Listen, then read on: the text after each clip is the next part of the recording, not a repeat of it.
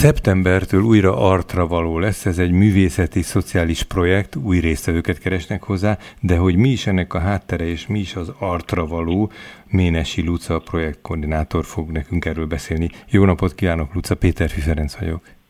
Jó napot kívánok, Ferenc, üdvözlök minden hallgatót is. Így igaz, szeptemberben újraindul az Artra való projekt, ami egy szociális és művészeti projekt, ahol állami gondoskodásban nevelkedett és vagy hátrányos helyzetű útkereső fiatalokat ö, foglalkoztatunk, illetve ők vesznek részt ebben a programban, és 18 év és 24 közötti korosztály, amit célcsoportunk.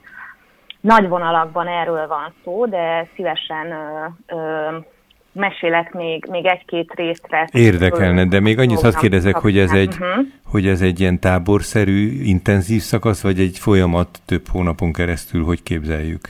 Vagy mind a kettő? Ez egy, igen, ez egy, ez egy folyamat több hónapon keresztül, ez egy kilenc hónapos projekt, szeptembertől május végéig, tehát mi épp most végzünk a, az ötödik évaddal, csoporttal, mert hogy idén már szeptemberben hatodik alkalommal fog elindulni ez a, ez a projekt. És, és ez mit jelent akkor, hogy ők, ők havonta találkoznak, vagy intenzívebben, hogy, hogy zajlik ez az esemény? Nagyon intenzíven zajlik, elsősorban a projektnek az első hat hónapjában, tehát szeptembertől február végéig. Ekkor mondhatjuk, hogy egy iskolai jelleggel, heti öt alkalommal. Tehát mindennapos? Nap. Így van. Hú, hát ez egy piszok nagy munka. találkozunk. Uh-huh. Így igaz, ez egy nagy munka mindenkinek, a, a stábnak is és a résztvevőknek is, és a heti öt alkalommal művészeti, illetve pályaorientációs foglalkozásokon vehetnek részt a fiatalok, illetve a művészeti foglalkozásoknak a középpontjában áll egy színházi előadás létrehozása is, ami mindig február vége, március eleje környékén Tehát kerül. a kurzus fél vége felére érik meg, vagy érik össze ez a dolog? Így van, így van, ez a része akkora érik meg, és, és az utolsó három hónapban akkor már csak heti egy alkalommal találkozunk a, a mhm. résztvevőinkkel. 18 és 24 év közötti állami gondoskodásban nevelkedettek, ezt, ezt mondta így az első indításban.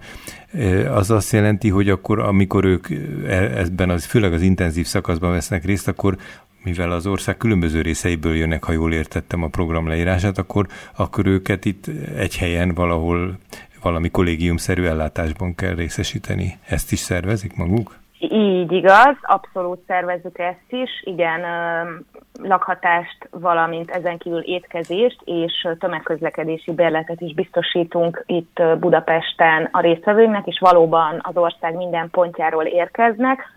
A korosztályjal kapcsolatban még annyit tennék hozzá a történethez, hogy ugye 18 és 24 év között az, aki állami gondozásban nevelkedik, ez életének ebben a szakaszában még jogosult lehet ellátásokra, ezt uh-huh. hívjuk utógondozásnak, azonban, mint minden embernek az életében, vagy, a, vagy nagyon sok embernek az életében, ez egy olyan szakaszunk, amikor kilépünk a nagybetűs életbe, amikor elkezdünk önállóvá válni, amikor egyre több felelősséget kell vállalnunk saját magunkért, másokért is, és ez az a pillanat, amikor mi szeretnénk egy kicsit még megfogni a kezét ezeknek a fiataloknak, és segíteni őket lehetőségekkel, támogatni őket abban, hogy a személyiségüket fejlesztük, illetve hogy munkát találjanak, ez is, ez is egy nagyon fontos eleme még a programunknak, a pályaorientációs része erről, erről szól.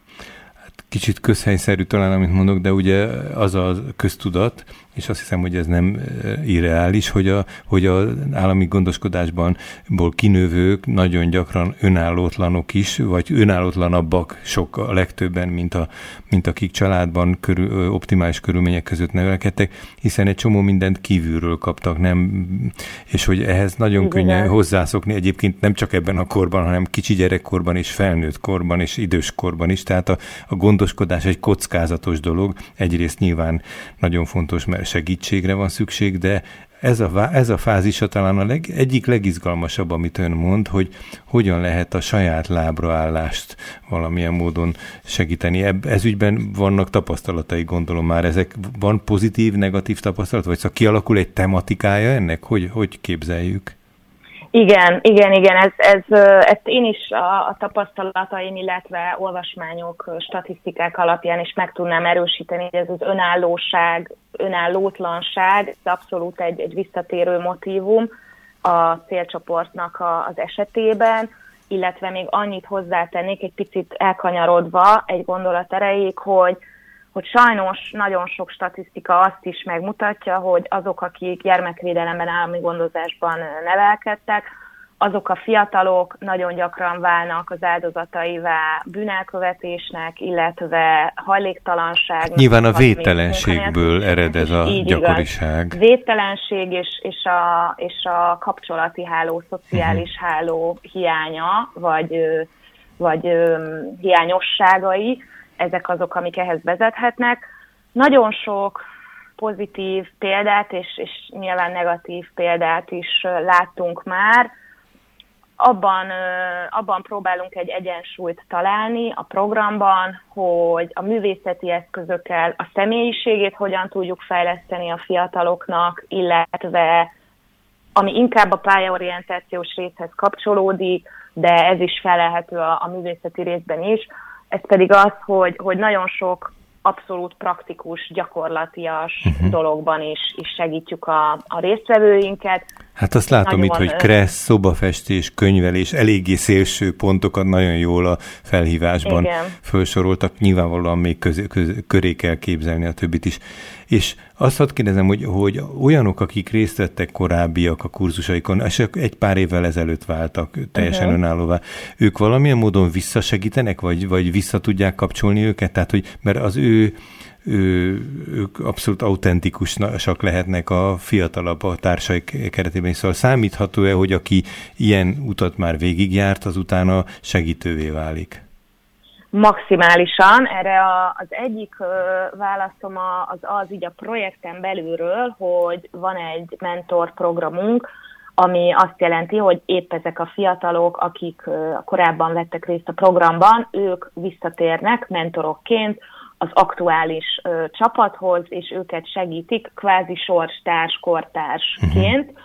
aminek szerintem nagyon nagy ereje van, és, és ők teljesen más, ö, más értelemben tudják őket támogatni, mint ahogyan mi stábként tudjuk őket támogatni, és, és ezen felül pedig még, még az egy nagyon érdekes dolog, ami, ami ehhez a kérdéshez kapcsolódik, hogy én azt azt látom, hogy kifejezetten sok olyan fiatal, aki állami gondozásban nevelkedett, szociális szférában helyezkedik el a, a későbbi élete során, tehát nem egy ö, csak arcavalós fiatalt fel tudnék sorolni, aki gyerek otthonba ment el gyerekfelügyelőként, vagy valamilyen szociális segítőként dolgozni, pontosan ezzel a motivációval, hogy, hogy sorstársként másképp tud, tud adni, támogatni hasonló helyzetben lévő fiatalokat. Ez izgalmas, amit mond, és egészen biztos, hogy ez, ezt is érdekes lenne egyszer közel nézetben alaposabban megismerni. Még, Igen. még hadd kérdezem, hogy mekkora létszámú csoport van? Egy-egy csoport indul, ugye? Tehát nem, uh-huh. nem több osztály, vagy több kurzus. Mennyien vannak egy-egy ilyen csoportban?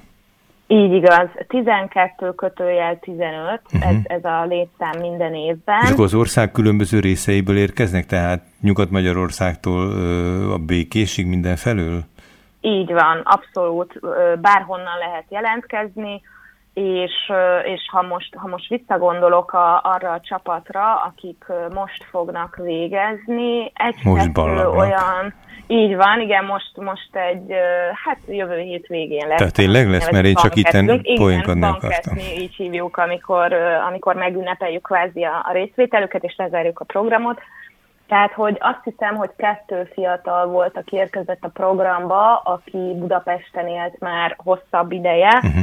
de ö, Pest megyéből, máshol, másik településről is, is volt, aki érkezett, Baz megyéből, Heves megyéből, Hát akkor nagyon sok felül lesz, biztos, hogy kihagyok, de abszolút sok, sok. Baranya, békés, gyakorlatilag felsorolnám. Könnyű toborozni, vagy, vagy többen is jelentkeznek, mint ami belefér egy ilyen csoportba? Hogy zajlik ez, hogy képzeljük?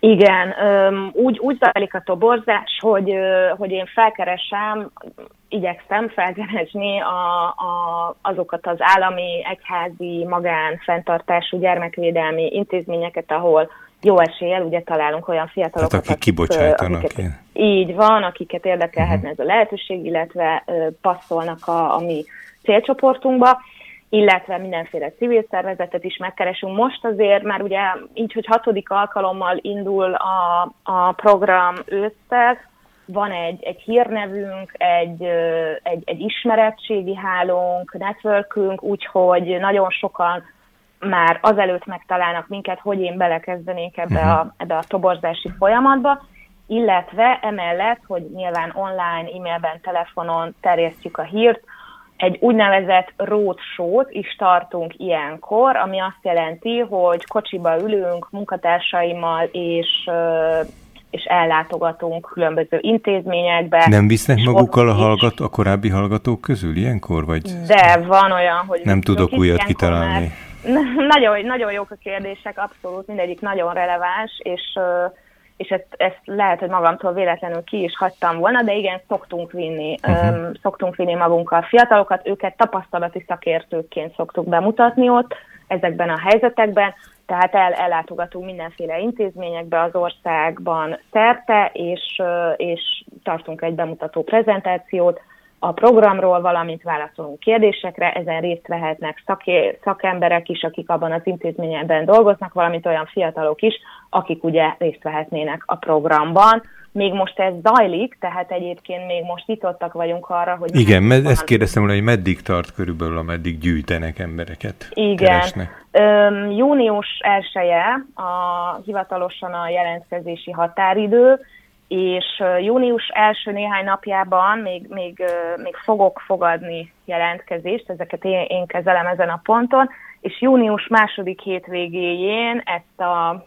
ezt már tudják azok, akik már leadták a jelentkezésüket, tartjuk a, a, az úgynevezett kiválasztó workshopot, mert hogy van egy körülbelül három-négyszeres túljelentkezés, tehát ilyenkor egy-egy nap minden, minden jelentés. És mi alapján tudnak dönteni? Napra. Mert hát ha mindenki Igen. rászorul, akkor hogy lehet ezt a melyik Igen. ujjamba harapja kérdést megoldani? Ez, ez abszolút ilyen jellegű, és, és nem, nem tud egy teljesen fekete-fehér dolog lenni, tehát van ebben egy ilyen megérzés alapú faktor. Többen döntenek, gondolom. Így van, így van. A stábunkban szerepel egy szociális munkás, aki nap mint nap kíséri a, a részvevőknek a mindennapjait, illetve a szakmai vezető és a művészeti trénerek, mhm. akik dolgoznak a fiatalokkal, ők szoktak részt venni ezen a kiválasztáson, de igen, abszolút egy ilyen melyik ujjamba harapjak helyzet szokott előállni.